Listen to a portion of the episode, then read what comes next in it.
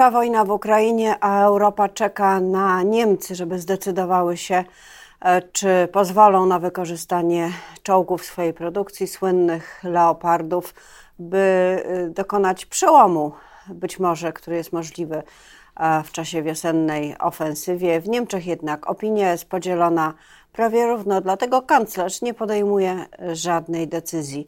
W Polsce y, przez parę dni jest troszkę ciszej o nowelizacji ustawy o Sądzie Najwyższym, ale to wcale nie znaczy, że nic się w tej sprawie nie dzieje. Dzieje się. Wypowiadają się eksperci. Czekamy na opinię e, Komisji Weneckiej, a ten czas e, wolny opozycja wykorzystuje na wzajemne, jak mówiło się kiedyś na podwórku, podgryzanie się i między innymi o tym będę już za chwilę rozmawiała z moim gościem. Zuzanna Dąbrowska, dzień dobry. A moim gościem jest wicemarszałkini Senatu Gabriela Morawska-Stanecka, PPS. Dzień dobry Pani Marszałek. Dzień dobry Pani, dzień dobry Państwu. Zauważyła Pani, że y, dowcip się wyostrzył różnym politykom opozycji, którzy e, przemawiają do siebie w mediach, a to o starszych pa panach, a to Szymku nie idź tą drogą, ciągle słychać różne docinki. E, wszystko to po tym, jak, e, jak Polska 2050 zagłosowała inaczej niż większość opozycji w sprawie ustawy OSN, ale czy to jest e, ten ton, który powinien występować w polityce? Może tak, może taki luz naprawi te relacje. Przewrócę ten stolik, dobrze? Bo tak wszyscy będą opowiadać o tym, co panowie sobie opowiadają nawzajem. I powiem, że gdyby było na stanowiskach liderów politycznych, na tych funkcjach więcej kobiet, a mniej mężczyzn, to może to wyglądałoby inaczej i, i może faktycznie powaga sytuacji powodowałaby, że kobiety, które są jednak z reguły ma, są bardziej koncyliacyjne i bardziej mają e, takie przekonanie, co jest najważniejsze i jakie cele są najistotniejsze do osiągnięcia, y, byłyby, byłoby to inaczej. I naprawdę coraz bardziej się ku temu skłaniam, zwłaszcza y, po tym, kiedy pani premier w Nowej Zelandii y, sama stwierdziła, najmłodsza, pamiętajmy, kobieta, która była na tym stanowisku, sama stwierdziła, że po prostu wypaliła się i rezygnuje i to jest... Ale może nie dała rady. Mo może kobiety mają mniej siły, pani marszałek. Dawała rady w bardzo trudnym czasie. Dawała rady w pandemii. Proszę pamiętać, że tam było bardzo restrykcyjne prawo wprowadzone i na pewno były też ogromne protesty. Dawała rady, ale potrafi się przyznać do tego, że ma już dość, że się wypaliła, że nie, nie służyłaby społeczeństwu w sposób taki, jak to robiła wcześniej i potrafi powiedzieć, naprawdę może ktoś inny będzie lepszy. No niestety w przypadku mężczyzn to działa bardzo rzadko albo nie działa w ogóle e, i faktycznie ja ubolewam, nie będę kolegów e, tutaj e, opisywać, nie będę ich krytykować, po prostu powinni się troszkę zastanowić, co jest dzisiaj najważniejsze i to, że za 9 miesięcy czy 8 miesięcy mamy wybory, najważniejsze wybory po 1989 roku, wybory, które być może zadecydują o tym, czy Polska nadal będzie y, w Unii Europejskiej po tych wyborach kilka lat i czy będziemy się rozwijali w stylu zachodnim, czy jednak będziemy coraz bardziej zamieniali się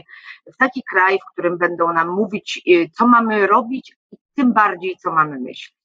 E, pani marszałek, ale najważniejsze jest to, do czego dojdzie przed wyborami, bo to zadecyduje o wyniku. E, I czy te wzajemne docinki, konkurowanie na opozycji to jest normalny proces ucierania się sposobu startu, takich targów między partnerami, które w polityce są chyba jednak czymś naturalnym? Czy też to jest coś więcej, co uniemożliwi współpracę, co spowoduje, że Polacy nie uwierzą w to, że opozycja jest w stanie zrobić e, sensowny wspólny rząd? Myślę, że to są właśnie takie ucierania się normalne i w normalnej sytuacji, takiej normalnej, kiedy nie byłoby wojny na wschodzie, kiedy nie byłoby tej awantury z Komisją Europejską i takiego realnego wyprowadzania nas z Unii, ja o tym będę mówić cały czas, bo jest to realne zagrożenie, to byłoby to normalne i ludzie by się być może nawet tym nie interesowali. wyborcy, bo wyborca interesuje się w kampanii wyborczej czy przed kampanią wyborczą dopiero kiedy ma podjąć decyzję, na kogo zagłosować ale my mamy sytuację ekstraordynaryjną, sytuacja jest bardzo niebezpieczna, dalej nie wiemy, co się będzie działo na wschodzie. Ja się bardzo poważnie obawiam y, tego, y, że pójdzie jeszcze jedna ofensywa y, na Kijów, no coraz częściej się o tym mówi w różnych źródłach. Naprawdę się bardzo boję tego, co tam się dzieje i że może się to przenieść nie tylko eskalować, ale również będzie miało, wywierało bardzo realny wpływ na naszą politykę, Poza tym mogą się wydarzyć różne nieprzewidziane sytuacje, które naszą sytuację też polityczną skomplikują. I, I na to bym zwracała uwagę. Dlatego w normalnych warunkach, oczywiście to jest takie zwykłe ucieranie się przed kształtowaniem list, e, ale dzisiaj są warunki nienormalne i ja bym już z tym skończyła. E, ale, ale, ale pani marszałek. W mojej ocenie to nie przesądza o tym, że Niemożliwe jeszcze jest tworzenie wspólnej listy. Wszystko jest możliwe, znając naszych kolegów, moich kolegów, znam ich wszystkich.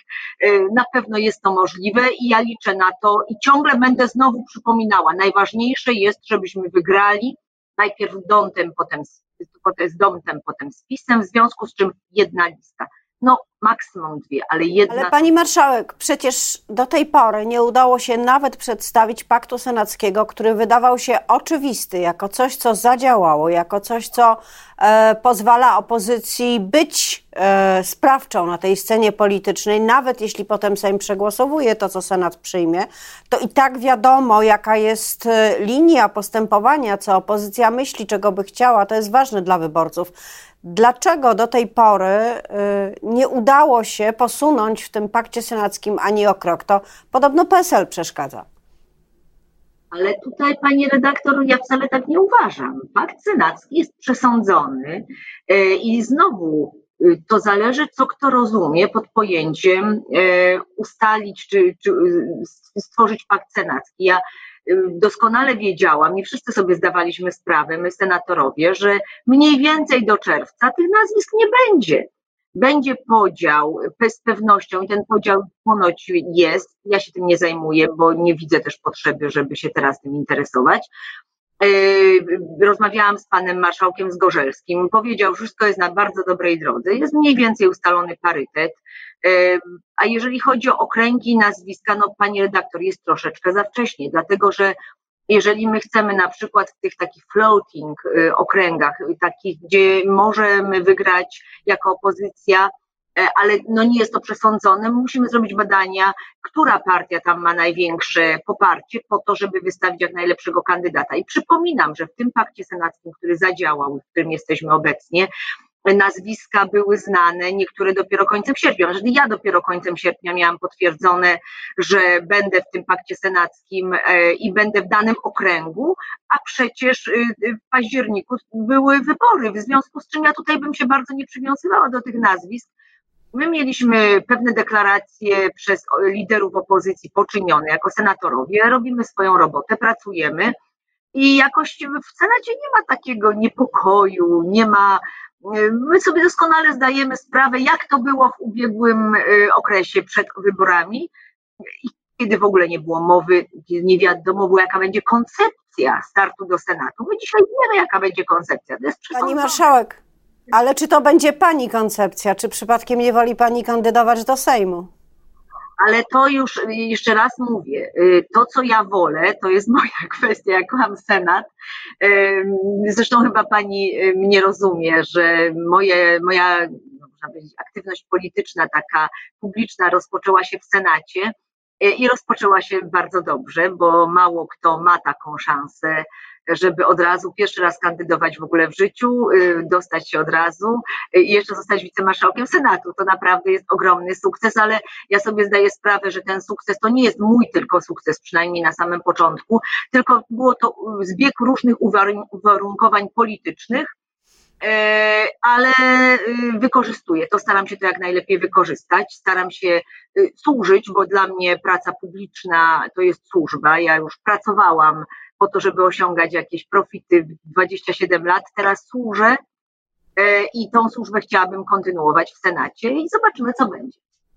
E, wróćmy w takim razie do przyczyny ostatnich e, nieporozumień na opozycji, ale już podejdźmy do sprawy merytorycznie. Komisja Ustawodawcza napisała, Senatu e, napisała do Komisji Weneckiej z prośbą o opinię dotyczącą tej ustawy. Prace będą się, obu komisji będą się odbywały tuż przed posiedzeniem Senatu, więc nie wiadomo na czym stanie, chociaż jakie mają być poprawki, wiadomo. Czy sądzi Pani przede wszystkim, że Komisja Wenecka zdąży z wydaniem opinii przed obradami Senatu? Mam taką nadzieję. Mam nadzieję, że Komisja Wenecka wyda tę opinię. My oczywiście w Senacie bez opinii Komisji Weneckiej doskonale zdajemy sobie sprawę, jakie są wady tej ustawy, która została przyjęta przez Sejm, głównie wady y, konstytucyjne, które są w mojej ocenie no, nie do przejścia bez poprawek, solidnych, sensownych poprawek. Y, nie będę ich wymieniać, bo wszyscy to w przestrzeni publicznej żyje, y, więc wszyscy o tym wiedzą. My cały czas pracujemy, czekamy również na opinię ekspertów, bo to nie tylko opinia Komisji Weneckiej, ona tak naprawdę e, ma być też takim trochę drogowskazem dla mm, Komisji Europejskiej, e, która liczy się z opinią Komisji Weneckiej.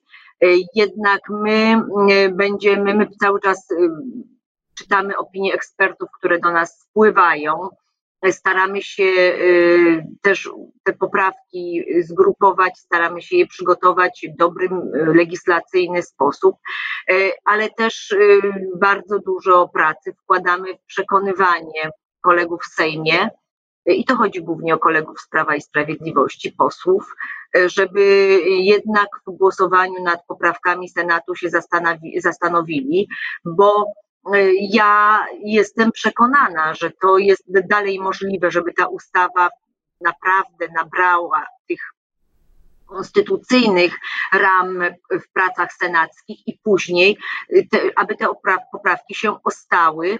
To naprawdę zależy. PiS musiałby zagłosować. Pani marszałek ale w PiSie, ale w PiSie y, pani redaktor, pani doskonale wie, że od pewnego czasu, od co najmniej kilku tygodni, PiSowi już pewne głosowania nie wychodzą tak, jak wychodziły na początku tej kadencji.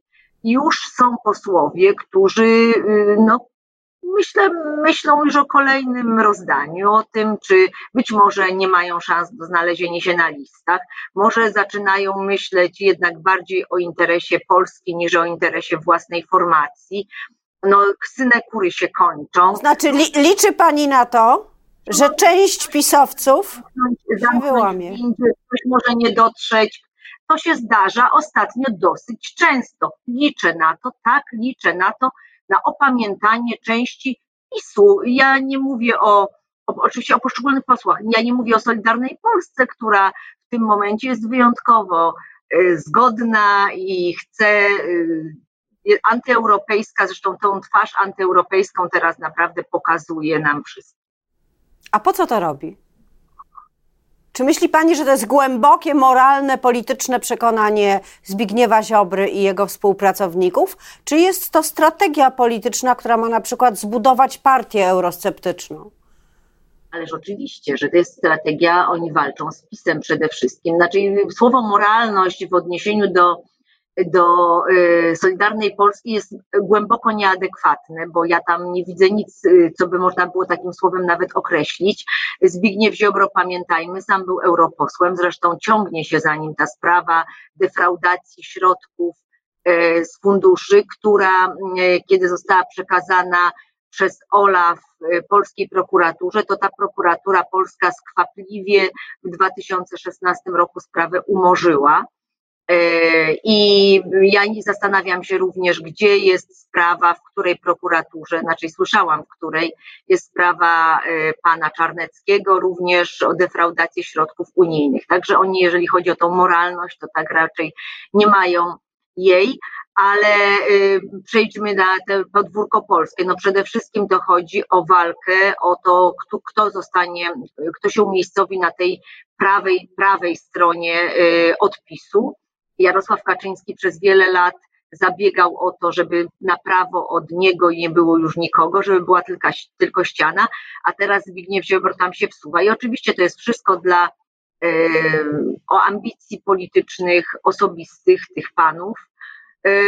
Ja nie wiem, jakie ma zamierzenia, mogę tylko przypuszczać, jakie ma zamierzenia polityczne Zbigniew Ziobro, ale też to, w jaki sposób y, sobie y, przygotowuje miejsce i czas na to, jak kiedy będzie być może w opozycji, bo on się do tego bardzo dobrze przygotowuje, y, chociażby przez zmiany w przeniesieniu na prokuratora krajowego pewnych uprawnień, coraz większej ilości uprawnień z prokuratora generalnego, co też spowoduje, że kiedy już Zbigniew Ziobro przestanie być ministrem sprawiedliwości i prokuratorem generalnym i nawet będzie nowy minister sprawiedliwości, który obecnie jest w opozycji, e, to e, nie będzie mógł za dużo zrobić, ponieważ odwołanie prokuratora krajowego e, musi nastąpić za zgodą Zbigniewa Ziobry. I dlatego, tutaj znowu wracamy do jednej listy, ważne jest tak, żebyśmy mieli ponad 276 głosów